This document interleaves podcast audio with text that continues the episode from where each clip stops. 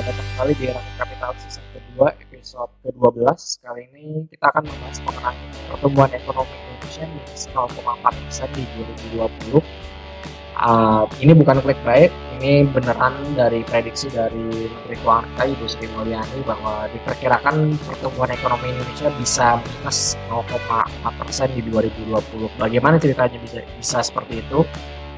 Pertama, mungkin kita akan membahas mengenai perkembangan perekonomian global. Hari ini gue bersama Julio, Dia, dan Sigma, uh, full team hari ini. Halo.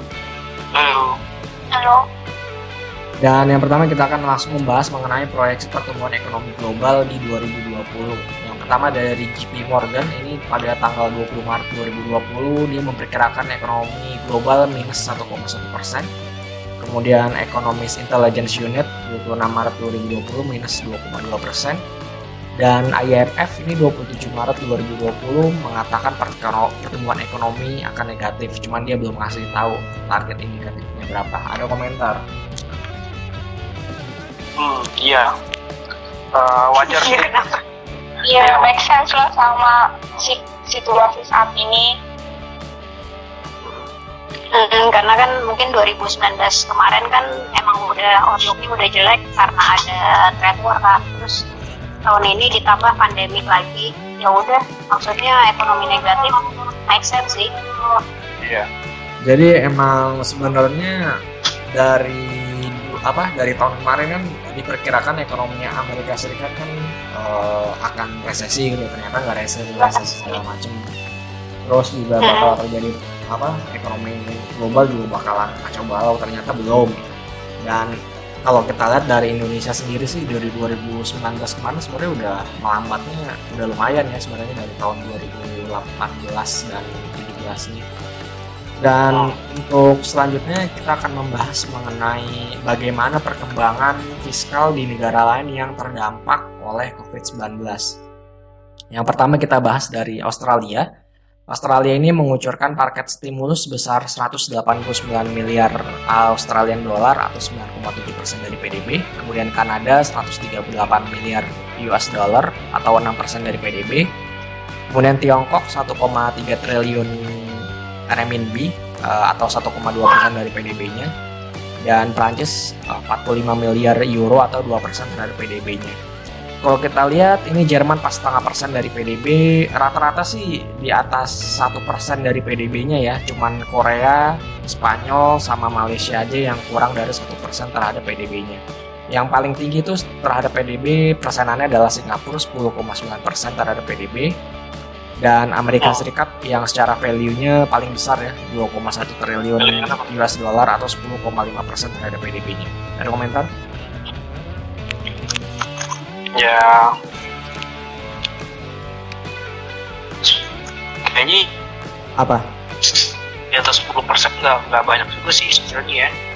Cuman cuman kalau secara nominal memang, memang paling besar uh, dari US tapi ini gede bro. Maksudnya ini kan stimulus cuman gini doang. Maksudnya bukan yang benar-benar apa sih pengeluaran rutinnya dia loh maksudnya ini benar-benar pos daruratnya mereka Iya sih ya. Iya.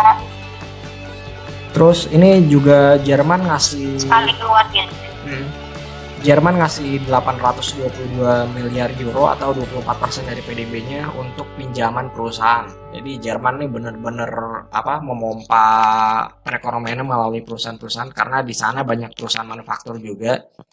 Kita tahu di sana produksi mobil-mobil mewah di dunia ada BMW, ada VW, kemudian ada Mercedes-Benz. Itu kan mereka tuh perusahaan otomotif global yang punya mempunyai grup ya. Kalau mereka bermasalah tentu akan berdampak ke mana-mana. Kan banyak pengangguran juga kan. Iya. Terus uh, Australia ini yang salah satu yang paling unik di mana penduduknya itu seingat gue ya ini dikasih uang 1.500 Australian dollar per bulannya per kepala. Jadi dia ngasih intensif balik lagi. ya buat rakyatnya ya seperti itu. Dia ngasih uh, cash uh, berupa uang gitu. Maksudnya 1.500 Australian dollar terhadap uh, penduduknya. Kalau di di Amerika Serikat sih dia tipenya bagi barang ya. Uh, seingat gue ada yang bagi-bagi barang di jalan gitu. Jadi bagi-bagi sembako segala macem. Ya antrinya. Indonesia gimana? Indonesia di Indonesia juga ada itu belum ya yang belum belum. Baru baru oh, baru diumumin aja. Pakai. BLT kan? Eh ya itu juga. Ya, pakai eh, PKH juga. Pakai se- semua jalur dikasih sih. Semua. Hmm, nanti kita akan juga bahas di situ. Oh ya siap. Kemudian kita langsung ke proyeksi perekonomian Amerika Serikat. Kalau kita lihat prediksi pengangguran Amerika Serikat akan naik 30%. Ini lumayan sangat parah. Kemudian GDP-nya akan turun 50%. Ini kata The Fed Bullets. Kalau kita lihat sendiri dari proyeksi pertumbuhan ekonomi Amerika Serikat, ini Morgan Stanley pertumbuhan ekonomi AS di dua kuartal kedua 2020 minus 30% proyeksinya. Kemudian Goldman Sachs ini sekitar 23 minus 23 persenan ya. JP Morgan minus 25 persen. Kemudian Credit Suisse itu lebih dari minus 10 persen. Rata-rata sih eh, minusnya itu pertumbuhan Amerika, pertumbuhan ekonomi Amerika Serikat di kuartal kedua itu hampir minus 15 persen di kuartal kedua 2020. Jadi ya bisa dikatakan mungkin Amerika Serikat akan mengalami resesi. Iya nggak? hmm. ya sih kalau kalau tapi eh, Gimana? definisi resesi definisi resesi kan tiga kuartal berturut-turut minus ya ada yang bilang kayak gitu kan Enggak, eh, resesi dua, dua. Dua Hmm, cuman dua, dua atau tiga? Dua, dua. tapi kayak nggak ada ya itu dia makanya jadi kalau nggak salah jadi kayak nggak ada yang baku gitu. Resesi itu ada yang bilang dua ada yang bilang tiga ada yang bilang nggak harus gitu gitu juga. Tapi eh kayak ya udah kalau misalnya orang udah rame bilang resesi ya udah resesi. Ntar kayak ntar kayak kayak gitu deh. Ntar misalnya saat mau resesi resesi resesi re- gitu Tapi gue ngeliat ini itu Hah? dari pertengahan tahun lalu sih ininya iya nggak sih Iya. masuk resesi itu cuman kan masih kayak masih kayak masa iya gitu masih kayak, gitu kan sebenarnya iya sih sih ya. sebenarnya kalau nggak ada covid sih menurut gue Amerika, Amerika nggak jadi resesi sih menurut gue nah, nah itu dia Iya. makanya makanya ternyata jadinya karena Tapi uh, bukan karena trade war bukan karena kebijakan ekonominya dia tapi karena pandemi. Mm-mm. nah selanjutnya kita akan membahas mengenai initial jobless, jobless claim klaimnya si Amerika Serikat. Initial Gila jobless claimnya Amerika Serikat ini adalah jadi semacam kayak orang yang ngajuin eh gue nih udah gue udah nggak kerja lagi loh. Nah dia ngajuin uh, itu ke uh, pemerintah Amerika Serikat dan pemerintah Amerika Serikat. Seingat gue sih dia ngasih apa ngasih kayak BLT gitu Santunan. sih santunan Kasih ya? makanan Iya ngasih makanan santunan tempat tinggal juga kalau nggak salah. Jadi- Jadi kalau kita lihat, kalau di kita kayak surat miskin kali iya mungkin ya. surat Jadi kalau kita lihat di sini, eh gue nggak salah bilang bahwa initial jobless claimnya Amerika Serikat naik ke ujung langit karena kalau kita lihat datanya si Amerika Serikat dari tahun 70 sampai 2020 itu paling Iya sih. tinggi dia naik cuma sampai 800 ribu dolar, eh, ribu orang doang, 800 orang 800 ribu Ini- orang doang. ini Tapi 3 juta pak 2020 ini nyam- nyampe 3 juta 200-an. gila wow, Jadi sebanyak itu orang yang ngajuin jobless claim di tahun 2020 bulan Februari ya apa bulan Maret gitu. Nah hampir biasanya kali lipat ya iya. Nah biasanya kalau jobless claimnya naik itu biasanya resesi. Dan resesi itu apa? Nah kalau kita lihat gambarnya di presentasi ini, re- eh, yang panah merah ini mendata menunjukkan ekonomi Amerika Serikat mengalami resesi. Kalau kita lihat di 2008 kemarin yang terakhir ya, itu kan abu-abunya panjang. Nah ini Amerika Serikat mengalami resesi dan si jobless claimnya naiknya lumayan signifikan. Kemudian di 2000-an bubble.com ini juga mengalami resesi, si angka penganggurannya naik. Kemudian di tahun 90-an angka pengangguran juga eh initial jobless claimnya naik juga terjadi resesi. Di tahun 80-an juga terjadi, tahun 70-an juga terjadi. Jadi bisa hampir bisa diperkirakan bahwa kalau jobless claimnya itu naik secara signifikan maka Amerika Serikat berpeluang untuk mengalami resesi itu aja intinya ini mereka kayaknya bukan WFH lagi ya tapi udah dirumahkan gitu. Iya bukan WFA lagi emang benar-benar dirumahkan. Udah Udah nggak PHK. bisa. Iya di PHK PHK PHK bukan P PHKH ya. PHK PHK PHK kan PKH kan pro- program keluarga harapan ini pemutusan hubungan kerja. Jadi benar-benar jobless claim-nya Amerika Serikat itu udah naik signifikan. Dan kemungkinan besar tingkat pengangguran gua nggak tahu sih tingkat pengangguran. Ini kan jobless claim ini kan orang yang taruh kerja segala macam kan dihitungnya di sini. Kalau gua nggak tahu deh kalau unemployment rate-nya atau tingkat pengangguran Amerika Serikatnya itu bakal ngaruh signifikan apa enggak? Gua kurang tahu kalau yang itu. Yang jelas ya inilah Amerika Serikat bisa berpulang mengalami resesi ya karena ini sebenarnya salah satunya nah kita lang- kenapa Oke oke lanjut. Nah, kita langsung selanjutnya kita beralih ke proyeksi perekonomian Indonesia di mana dampak COVID-19 terhadap perekonomian. Mungkin ada yang mau membacakan dari rumah tangga, UMKM, korporasi dan sektor keuangan. Mungkin dia bisa membacakan. jiwa tuh uh, berpotensi tertular terus uh, ancaman kehilangan pendapatan karena kan uh, situasi kayak gini kan perusahaan-perusahaan juga ap- pendapatannya menurun dan dia harus tetap mengeluarin cost operasional dia kan otomatis uh, banyak yang di PHK juga karena kan kita kan harus social distancing kan jadi pasti penurunan daya beli masyarakat consumption-nya pasti menurun. Terus ini semuanya Apa? Mungkin Sigma terus yang UMKM. oh ya UMKM oke dampaknya itu kalau UMKM kan ya iya sih dia nggak bisa melakukan kegiatan usahanya kan. Apalagi yang kayak kayak tukang-tukang apa sih? Tukang yang suka Ya, lewat pinggir jalan. itu gitu informal lah ya pekerja-pekerja informal gitu. Ya informal jelas terganggu sih. Soalnya kan biasanya kan misal kalau di warung kecil gitu kan orang-orang kan biasanya pada nongkrong atau sambil ngobrol di situ kan. Terus Iya. sekarang karena karena yang dia bilang tadi social distancing ya langsung nurun dapat NBL perbankan Nah, juga itu- kemungkinan bakal naik sih ya. ya apalagi yang usaha-usaha kredit perbankan kan dia juga jadi apa ya macet sih ya mungkin lebih susah lebih sulit bayar aja Sebenarnya gue mau ceritain Jadi- UM, UMKM ini. Jadi UMKM ini sebenarnya sih kalau gue lihat-lihat ya, ini sih bukti nyatanya sih udah ada ya. Maksudnya di deket rumah gue kan ada warteg tuh sama tukang bakso. Itu udah kagak buka lagi sekarang. Hmm. ya mungkin itu bakso keliling gitu ya Apa? Bakso ini bakso pangkalan. Jadi emang rumahnya kayaknya di situ sih dia. Ah. Tinggalnya di rumah itu. Itu kayaknya udah nggak jualan lagi. Tapi itu dilihat di mungkin ini suara gue kedengeran kan? Iya kedengeran. iya mungkin Ah, ya mungkin pak Kenapa? ini juga karena kamu jualan aja aku ya mudik bisa juga ya. Iya dia mudik bisa mungkin dia juga. punya dia saving uang buat daripada dia jualan jadi kan dia harus ngeluarin cost nih buat operasional dia kalau nggak laku dia juga rugi dong Nah iya Iya. maksud gue poin gue adalah eh, banyak UMKM yang udah tutup karena mereka ngerasa eh, Jakarta udah di udah nggak ada orangnya lagi pada di rumah dan mereka memilih untuk pulang kampung. That's why kalau lihat-lihat berita kemarin-kemarin kan banyak orang yang pulang kampung ya.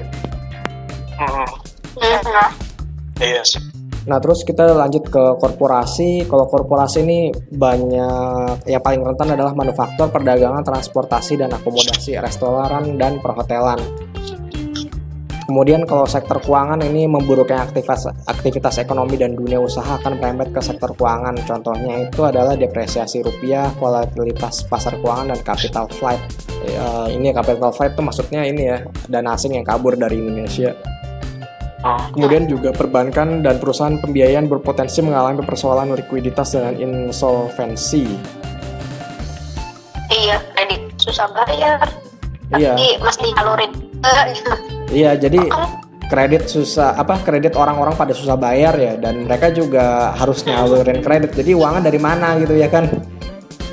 Ribu. Perusahaan leasingnya berat ya jadinya. itu dia. Buat yang kredit motor mah jadi ringan ya. tapi belum Nah, tentu. sih, tapi kan dia juga berat juga. Di ibaratnya kalau misalnya tadi paksa misalnya pakai informal misalnya dia gojek. Jadi nggak punya pertanyaan turun ya makan bayar sih bayar apa sih Jalan. kredit ini? Ya terus kayak misalnya yang punya kayak pedagang UKM gitu.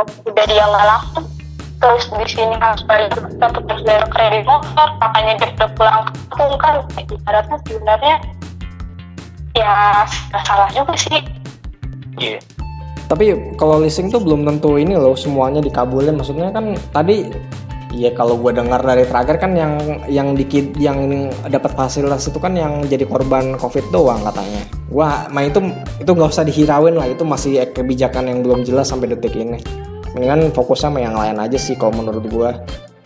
Nah, sebenarnya, nah ini dia nih, bentar. Tadi pagi kan Bu Sri Mulyani kan dia udah apa presentasi ya kemarin tadi pagi tuh live di YouTube dia ngasih outlook indikator ekonomi Indonesia. Dan kalau kita lihat dari APBN dan dari skenario berat dan sangat beratnya ini sangat jauh ya. Di APBN itu indikator pertumbuhan ekonomi year on year-nya 5,3 persen. Dan perkiraan skenario pertumbuhan ekonomi yang mengalami permasalahan yang berat itu hanya 3 2,3 persen dan kalau per, salah apa kalau perekonomian Indonesia mengalami masalah yang sangat berat akan minus 0,4 persen seperti yang judulnya uh, tadi gitu. Oh, oh. Kemudian itu Batas. kenapa? batas paling buruknya ya. Iya batas paling buruknya. Kemudian nilai tukar. Nah kalau dengar episode yang 11 yang kemarin kita sempat ini kan bahas rupiah kan. Kita bilang kan rupiah bisa ke 17.750. Nah kali ini apabila skenario ekonomi pertumbuhannya bakal parah, nilai tukar rupiah kita juga bakal sampai 17.500 ya nggak beda jauh sih ya sama proyeksi kita proyeksi asal-asalan kita di minggu lalu. Kan iya. Itu kan sebenarnya proyeksi asal-asalan kan cuman berdasarkan historis di tahun 2013 pada berapa sih? Kalau nggak salah yang 30% ya. Dan ini nyampe angka 17.500 dan kalau Mirip-mirip. Iya, mirip-mirip lah ya. Dan kalau misalnya skenario nya bertambah berat, sangat berat, itu nilai tukar rupiah diperkirakan bisa mencapai 20.000 per dolar USD. Oh. Nah, ini juga inflasi juga bakal meningkat jadi 3,9% dan sangat beratnya eh, 5,1%. PDB nominal itu di APBN targetnya 17.464 triliun kalau di skenario beratnya itu jadi hanya 16.829 triliun dan kalau sangat berat jadi hanya 16.574 uh, triliun. Mengapa pertumbuhan ekonomi bisa seperti ini? Yang itu disebabkan oleh konsumsi rumah tangga yang drop signifikan. Kalau kita lihat di apa di skenario beratnya itu pertumbuhan ek, pertumbuhan ekonomi dari sisi pengeluaran yakni konsumsi rumah tangga hanya 3,22 persen. Dan kalau masalahnya sangat berat itu pertumbuhan dari konsumsi rumah tangga hanya 1,6 persen. Sisanya itu investasi bisa minus 4,22 persen. Kalau masalahnya berat itu hanya 1,12 persen dari target di APBN 2020 yang mencapai 6 persen ini juga that's why sangat apa jadi si apa Kementerian Keuangan sudah memberi, memberikan guide, guidelines. Jadi guidelinesnya itu lumayan cukup jauh ya dari target APBN skenario nya pertumbuhan ekonomi hanya 2,3 persen apabila masalah sangat berat dan sangat beratnya itu minus 0,4 persen. Ada komentar mungkin? Hmm, tapi kalau kalau gue lihat dibandingin sama Amerika, kita masih jauh lebih baik. Masih sebelumnya kalau nggak salah ini seingat gue sangat sangat beratnya itu 0% waktu itu. Sekarang Iya. di- tadinya 0 persen terus ganti jadi jadi minus 0,4 minus persen 0,4. Kita masih belum tahu sih masih bisa di masih bisa diupdate lagi atau enggak. Tapi kalau gue lihat dibandingin tadi sama US yang belasan persen sampai 30 persen, jauh lebih baik sih sebenarnya prediksinya. Tapi Wok, bentar deh. eh, emang kita jauh lebih baik cuman maksud gue kita dari 5% ke 2,3% tuh lumayan berasa loh. Maksudnya itu bukan yang sesuatu yang ringan juga. Kalau untuk kita ya maksudnya ya itu akan berasa banget masalahnya. Kalau misalnya dari 5% ke 2,3% tuh berasa loh maksudnya. Iya. Memang berasa sih Pak. Cuman kalau dibandingin sama US, US terus dua persen ada nggak sih? Satu satu persen ada tadinya. apaan? Eh, Pertumbuhan Pembukaan ekonomi ekonomi siapa? nol nol koma oh koma- US tadinya US Satu kan dua- ya? 2,1 dua dua ya? Dua dua koma 2,1 jadi minus 10 lima ya belas kan? minus parah. 15an lah kira-kira. Iya lebih parah mereka lah bro jauh banget. Kita ya mereka juga lebih cepat pulih Ya iya sih kita level emerging dia udah negara maju. iya dia kan negara maju kita emerging market. Kita akan la- lebih lama pulihnya daripada mereka. Mereka mah tinggal ekspor iPhone lagi segala macam udah selesai. Kita kan ekspor kita kan komoditas. Itu butuh waktu kan. Kalau ekonomi yang nggak pick up komoditas kita nggak laku di pasaran luar bukan negeri. ju- bukannya justru kalau yang emerging market lebih lincah daripada udah udah gue mikir sih gitu. Iya, tapi kayak apa sih lebih lincah gitu. Masih lebih fluktuatif bahkan gitu ya kita kalau dia kan udah lebih apa namanya lebih gitu. Apa sih? karena kalau misalnya yang paling eh, yang paling parah itu emang recovery-nya ya. Jadi udah nih semua dampak global begini. Tapi gimana cara recover-nya jadi balik lagi itu yang paling susah kan emang nah kalau negara maju itu kan lebih lebih apa? apa ya? Mungkin fasilitas fasilitas dia tapi juga. udah itu udah sektornya itu udah negara maju nih. Kayak Cina kemarin. Dia pertama kali kena corona kan eh, jatuh kan ekonominya. Sekarang dia udah mulai bangkit lagi cuma hitungan bulan kan? Oh, Nah, gini permasalahan ekonomi Indonesia dari zaman jebot sampai detik ini adalah ekonomi kita itu terma bukan zaman jebot sih, baru-baru ini aja ekonomi kita itu termasuk ekonomi yang cenderung tertutup gitu loh. Lu inget nggak waktu in- apa ekonomi global itu mulai naik signifikan kita malah cenderung di 5% aja. Itu karena ekspor kita ya itu-itu aja barangnya, impor kita ya itu-itu aja. Ba- Jadi apa sih maksud gue? Ekonomi Indonesia tuh untuk naiknya susah, turunnya juga emang nggak terlalu dalam. Jadi ya gua nggak tahu itu semacam jadi di situ aja gitu Iya. kan gua nggak tahu itu semacam keuntungan apa enggak. Iya, jadi di, ya begitu gitu aja. Maksudnya kalau kayak gini kan ekonomi lagi turun parah, ya Indonesia juga bisa ngalamin hal yang nggak enak juga. Tapi yang nggak enaknya ya nggak separah negara lain yang orientasi barangnya bisa ekspor segala macam. Ya mungkin di situ untungnya kita. Tapi itu kelemahan kita sih sebenarnya. Iya. Iya, itu kelemahan kita sebenarnya sih. Mau nggak mau itu harus kita akuin. Dan mungkin kita langsung bahas saja tambahan belanja dan pembiayaan APBN di 2020. Ini intens intervensi penanggulangan COVID-19 di bidang kesehatan 75 triliun, social safety net ini menjadi 110 triliun.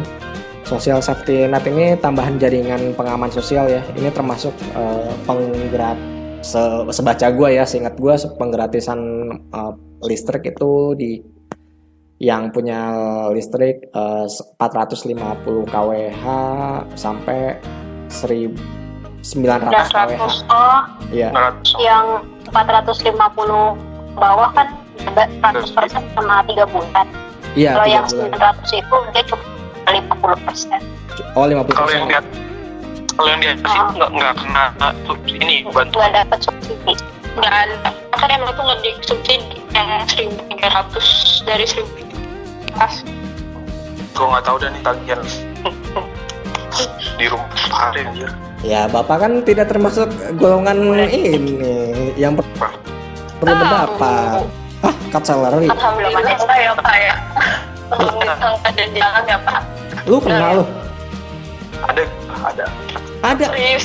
Serius loh. Tapi nggak tapi nggak gede setelah gue hitung-hitung jadi nggak gede mungkin kalau ya gaji yang di atas 50 juta lumayan berasa baru Wah gila. Lo yang bener lu udah kena ini lu gaji lu dipotong lu. Serius ya? Tapi nggak gede Nggak gede. jadi kalau misalnya nggak gede itu relatif tuh. Nggak, kira-kira berapa persen dari gaji gua. gini eh, misalnya Ya kira-kira berapa persen dari gaji lu lah gitu kira-kira. Ya udah berapa persen? Iya percentage. gue nggak tahu nah, kecil kecil sih sebenarnya 5% ada nggak? di bawah 10 nggak nyampe Nggak nyampe? 10 Sen. tapi denger dulu denger dulu denger dulu denger dulu Yaudah yaudah silakan.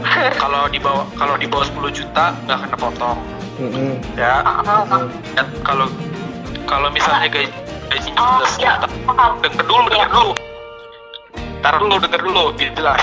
Halo. Nah, lanjut kalau lanjut. 11 juta jadi dipotongin satu juta dikali 10 persen. Jadi 7 gitu.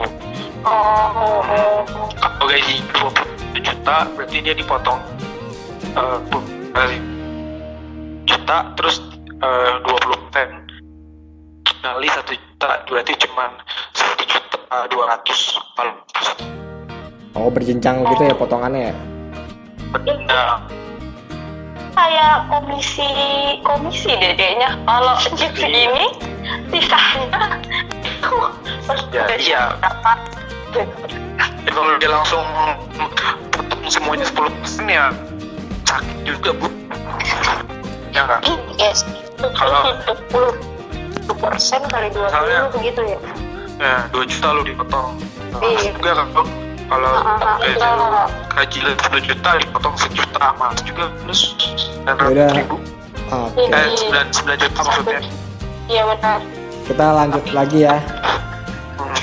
berarti berarti anyway gue kan ya uh, karena isu sekarang ya gue Iya beberapa beberapa beberapa perusahaan gue udah, udah potong sih kayak eh serius lu Jal? uh, e-commerce yang warna oranye tuh udah udah potong tuh katanya. Oh, oh. terus uh, cewek gue juga motong juga sih sebenarnya katanya tapi belum belum jelas. Ya Allah jangan please. Iya sih. Ini emang saya. Iya Jadi- udah mulai. Bentar, gua tarik kesimpulan dulu ya. Jadi intinya adalah sudah mulai ada pemotongan gaji dari masing-masing perusahaan. Dan dari perusahaan e-commerce yang berwarna oranye itu didengar didengar-dengar sudah mulai ada pemotongan gaji. Mungkin Iya. adanya Julio ya kerja di sana ya atau gimana gua nggak ngerti deh. Ya, agak agak kagak. Oh ya udahlah, bagus. Selanjutnya kita mungkin ke pembiayaan anggaran diarahkan ini ke dukungan industri 70,1 triliun. Ini untuk pajak dan biaya masuk ditanggung pemerintah, kemudian stimulus dari kredit usaha rakyat. Kemudian dukungan pembiayaan anggaran untuk penanganan COVID-19 150 triliun. Ini didukung apa digunakan untuk pembiayaan dalam rangka penduk- mendukung program pemulihan ekonomi nasional 150 triliun. Jadi total tambahan belanja dan pembiayaan APBN 2020 untuk menghad untuk penanganan dampak Corona 19 ada dampak COVID-19 adalah 405,1 triliun. oke Sebenarnya sih kalau gue dengar dari pernyataan Bu Sri Mulyani tadi pagi ya, Bu Sri Mulyani tuh secara nggak langsung memang bilang bahwa pada awalnya kan eh, apa stimulus itu kan digunakan untuk pariwisata kan. Lu ingat nggak yang waktu bulan Februari kemarin? Iya. Nah, iya iya. Iya kan? Nah, Bu Sri Mulyani bilang bahwa pada saat sekarang sudah tidak relevan lagi dan diganti stimulusnya ditambahin stimulusnya menjadi yang tadi udah kita sebutin. Secara nggak langsung gua nggak tahu ya ini menurut kesimpulan gua. Sepertinya emang ini nggak di expect datang ke Indonesia COVID-19 ini. Kok iya. kalau menurut gue gitu ya dari iyalah Pak orang tadi expect dia nggak di nggak maksud gue ya gue nggak tahu siapa yang ini ya. Pokoknya kenapa bi nggak kenapa bisa nggak di expect masuk ke Indonesia tuh sebuah tanda tanya besar saya menurut gue ya. Maksud gue kenapa sampai bisa selalai itu gitu maksud gue itu yang udah kelihatan sih dari ya kemarin, kemarin yang di yang di jalan udah heboh yang agak Itu masih menyepelekan gitu itu sih. Sebenarnya itu sih salahnya maksudnya kita eh, yang bersenjata yang untuk tidak kena kayak gitu kan. Bukan nah, kita kayak masih sepele itu Ya sebenarnya ya itu sih. Nah selanjutnya ini kita bahas APBN 2020 malah diperkirakan akan defisit 5,07% dari PDB. Defisit ini akan melewati undang-undang tahun undang-undang nomor 17 tahun 2003 tentang keuangan negara. Kalau undang-undang ini menyebutkan bahwa me- maksimal defisit APBN itu maksimal adalah 3%. Kali ini diperkirakan hingga 5,07% dan pemerintah itu akan mencoba untuk menerbitkan perpu perpu itu adalah peraturan pemerintah pengganti undang-undang agar ambang batas eh, defisit APBN itu dinaikkan. Nah, kemungkinan P5% ya. Defisit APBN 5% itu direncanakan selama 3 tahun dari 2020 sampai 2022 dan akan kembali normal di tahun 2023. Nah, kalau kita lihat pendapatan negara ini akan berkurang min, eh, 10%. Kemudian ini juga ada tambahan belanja penanganan COVID-19 255 triliun dan defisit APBN 5,07%. Dan kalau kita lihat lagi anggaran di AP postur APBN di 2020, belanja negara kita itu adalah 2.540 triliun dan pendapatan negara kita 2.233 triliun. Sebenarnya ada pos yang gua nggak tahu sih kenapa ini nggak dipakai ya. Ada pos infrastruktur ini sebesar 423 triliun, tapi tetap dianggarkan di 2020. Kayaknya ya, gua nggak tahu ini apakah udah dialihkan ke ke anggaran yang buat penanganan COVID atau belum. Dan kalau misalnya belum sih sebenarnya ini masih bisa dijadikan peluang untuk tambahan anggaran ya. Jadi nggak perlu minus sampai 5,07% dari AP dari PDB untuk anggarannya. Ada yang pendapat lain mungkin Maksudnya ini, ini anggaran emang udah buat infrastruktur kan? Iya, sebenarnya kan bisa dialihin. Men- menurut ada ada pendapat yang bilang kayak begitu. Anggaran infrastruktur sebenarnya bisa dialihin kan? Nggak semuanya, nggak ratus, nggak nggak harus 423 triliun dialihin ke COVID-19 nggak. Bisa setengahnya 200 atau bisa 150 itu kan lumayan kan buat nambahin biar defisitnya juga tetap terjaga di 3%. Maksudnya seperti itu. Kenapa nggak kayak gitu gitu? Maksudnya yaitu eh, pendapat lain yang mengatakan seperti itu sih. Emang porsi belanja negara paling gede tuh masih infrastruktur. Salah satunya iya, Ya iya sih paling enggak kan berapa, berapa persen dari infra ada Dialihin ya. yang Ya sebenarnya kan infrastruktur kalau kayak gini ya siapa yang mau bangun juga sebenarnya sih.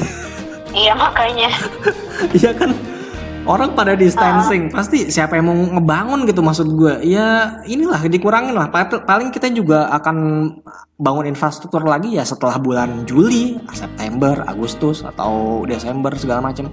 Itu kan bakal dikebutnya kan di sana kan. Karena sekarang juga Kita- ya, siapa yang mau kerja Kita gitu loh. bangun rumah sakit nih? Kenapa?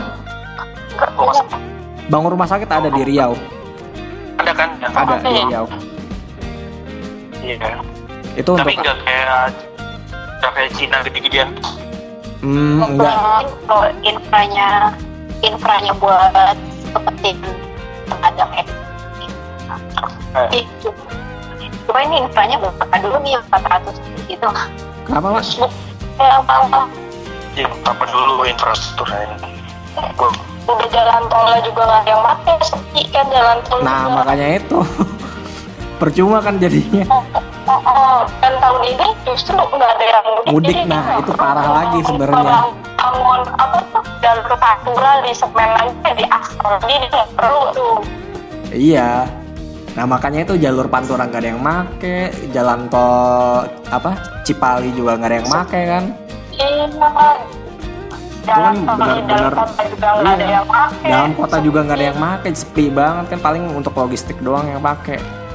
Nah, that's why ada pendapat yang mengatakan seperti itu. Jadi, tapi sih ya mungkin sulit sih pemerintah uh, mengalokasikan dana yang dari sini ke tempat lain mungkin ya.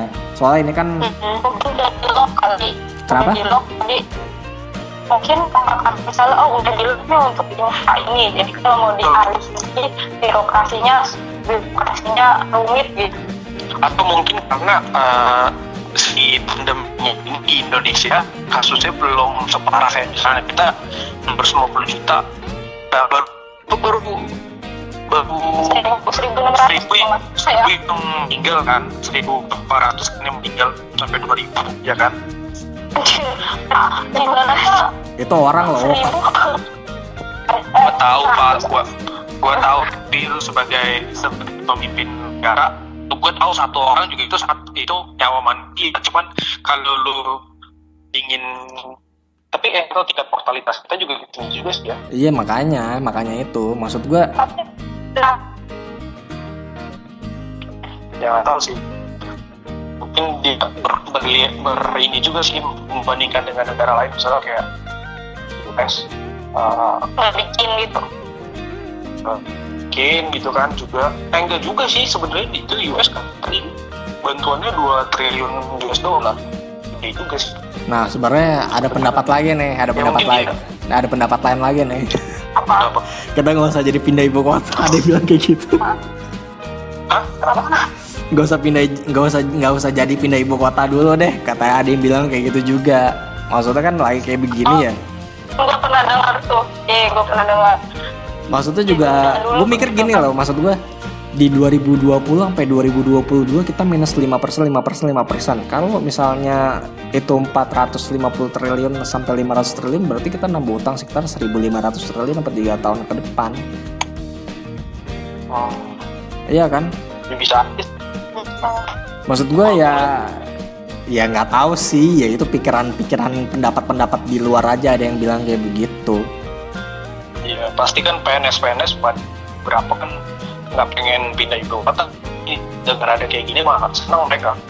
Iya. Teman-teman gue juga teman gue PNS ada di ibu kota nggak ya? Seneng sih dia jadinya. Tapi tampaknya Bapak Luhut Binsar Panjaitan menghendaki tetap berjalan ya. Jadi ya sudahlah kita lupakan saja ide yang itu. Ya mungkin pemerintah punya pemikiran tetap ibu kota itu. Yaudah kita langsung ke market. Jadi intinya bahwa di kita yang pembahasan kali ini bahwa perekonomian Indonesia bisa uh, perlam- mengalami perlambatan ekonomi hingga 2,3 persen di 2020 bahkan bisa minus 0,4 persen di 2020 dan dolar bisa mencapai 17.500 sampai 20.000 intinya di situ ya maksudnya inti dari pem- pembicaraan ini. Dan bagi kalian yang investasi di pasar modal obligasi dan segala macem maupun di ini ya money market juga harap berhati-hati lagi karena bank juga bisa mengalami kesulitan pada saat seperti ini. Itu aja. Ya misalnya udah nggak akan dikasih untuk deposito ya rate juga nggak akan dikasih tinggi-tinggi. yang besar juga. Karena mereka juga mikir balikinnya pakai apa. Nah iya. Tadi uh, tadi kalau nggak salah tuh gue lihat headline uh, lupa. Kalau nggak salah sih JP Morgan ya. Buat situasi sekarang ini tuh tusun tuh DP belum bacanya gue nggak baca artikelnya sih. Hmm. belum baca artikel mungkin bisa cari itu kenapa dia bilang? Tusun tuh buyback oh tuh untuk buyback iya iya iya iya iya iya. river river ke Indonesia atau nggak? Ada river ke mana nah itu gue belum lihat sih. Oh iya. Langsung aja kita mau ke market preview ya langsung. Oh. hmm.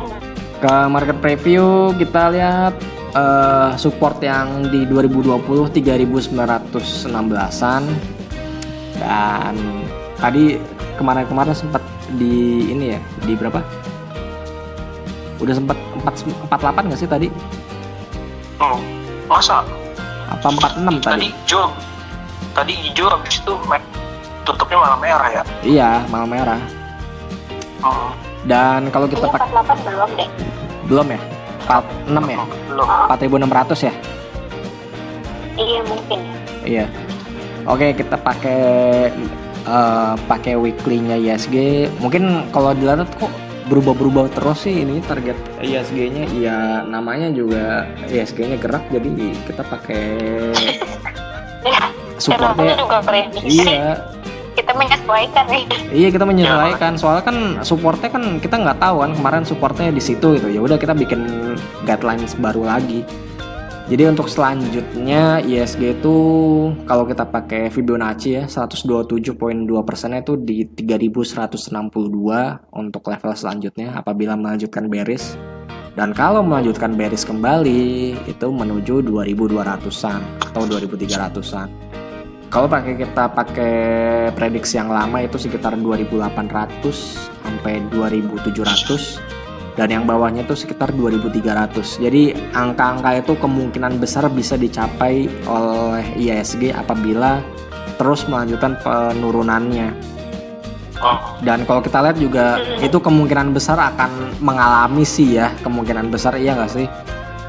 mengalami jebol 39 itu Iya, menurut gue sih akan sih. Sooner or later akan. Maksud gue ini belum US belum ngeluarin pertem- data tingkat penganggurannya, belum ngeluarin data non farm payrolls-nya, kemudian Indonesia belum ngeluarin data apa? Data pertumbuhan ekonominya. Oh ya tadi kalau nggak salah update pertemu apa si data pariwisata ya itu minus 28% year on year di bulan Februari kalau nggak salah. Itu Apa? Indonesia Indonesia itu Indonesia. Indonesia. Indonesia. Jadi ya semua sudah mengalami hal yang tidak mengenakan ya. Hmm, tapi kadang-kadang suka gimana ya kan uh, uh, ada juga kadang-kadang suka ini sekarang pandemik nih terus Hmm. itu udah langsung Apa? apa jangan ini udah price in nanti ya, ekspektasi orang akan si ekonomi Oh, pandemik doang. Maksudnya ini udah price in gitu ya di 39 gitu maksudnya. tapi nggak tahu sih tapi gue masih memang masih masih prematur banget sih ini. Iya gitu sekarang ini. Kayak tadi si JP Morgan usul buat buat ya gue setuju juga sih. Nggak pengen itu sih gue beli sekarang. Pengen juga sih sebenarnya kalau gue sekarang pengen berusaha. Sahamnya Iya sebenarnya sih apa kalau kita lihat sih ya itu make sense sih maksudnya dari segi teknikal dari segi fundamental emang ya nggak mendukung sama sekali untuk kita buy di angka sekarang dan lebih bijak sih kalau menunggu lagi Hmm. apalagi di level sekarang ya Iya. apalagi di level Apalagi nih kemarin kan naik dua hari kan gila-gilaan kan. Biasanya udah kayak saham gorengan naik 17% segala macem Saham kapitalisasi terbesar di Indonesia digituin. Gue nggak habis pikir aja sih sebenarnya. tadi hari ternyata cuma sampai 4600 kok 4.600 ya. Berarti gue salah lihat berarti. 4600 Jadi prediksi untuk ISG gimana nih untuk minggu depan? Kemarin kan salah tuh minggu lalu. prediksi untuk Minggu depan Si buat buat apa? Masih beres? Ya menurut gue sih masih beres sih ya kalau untuk ISG kali ini. Jadi ya kemungkinan besar ISG masih akan melanjutkan penurunannya.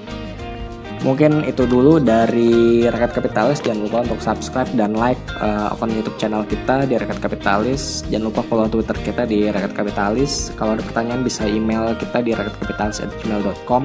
Kalau ada pertanyaan, do ya jangan lupa dengerin Spotify kita di Rakyat Kapitalis dan Penyu FM. Kalau ada pertanyaan dan saran ya bisa email kita juga atau komen di YouTube channel kita. Gua Farhan, Julio, Sigma dan dia pamit undur diri terlebih dahulu. Kita akan berjumpa kembali di episode berikutnya.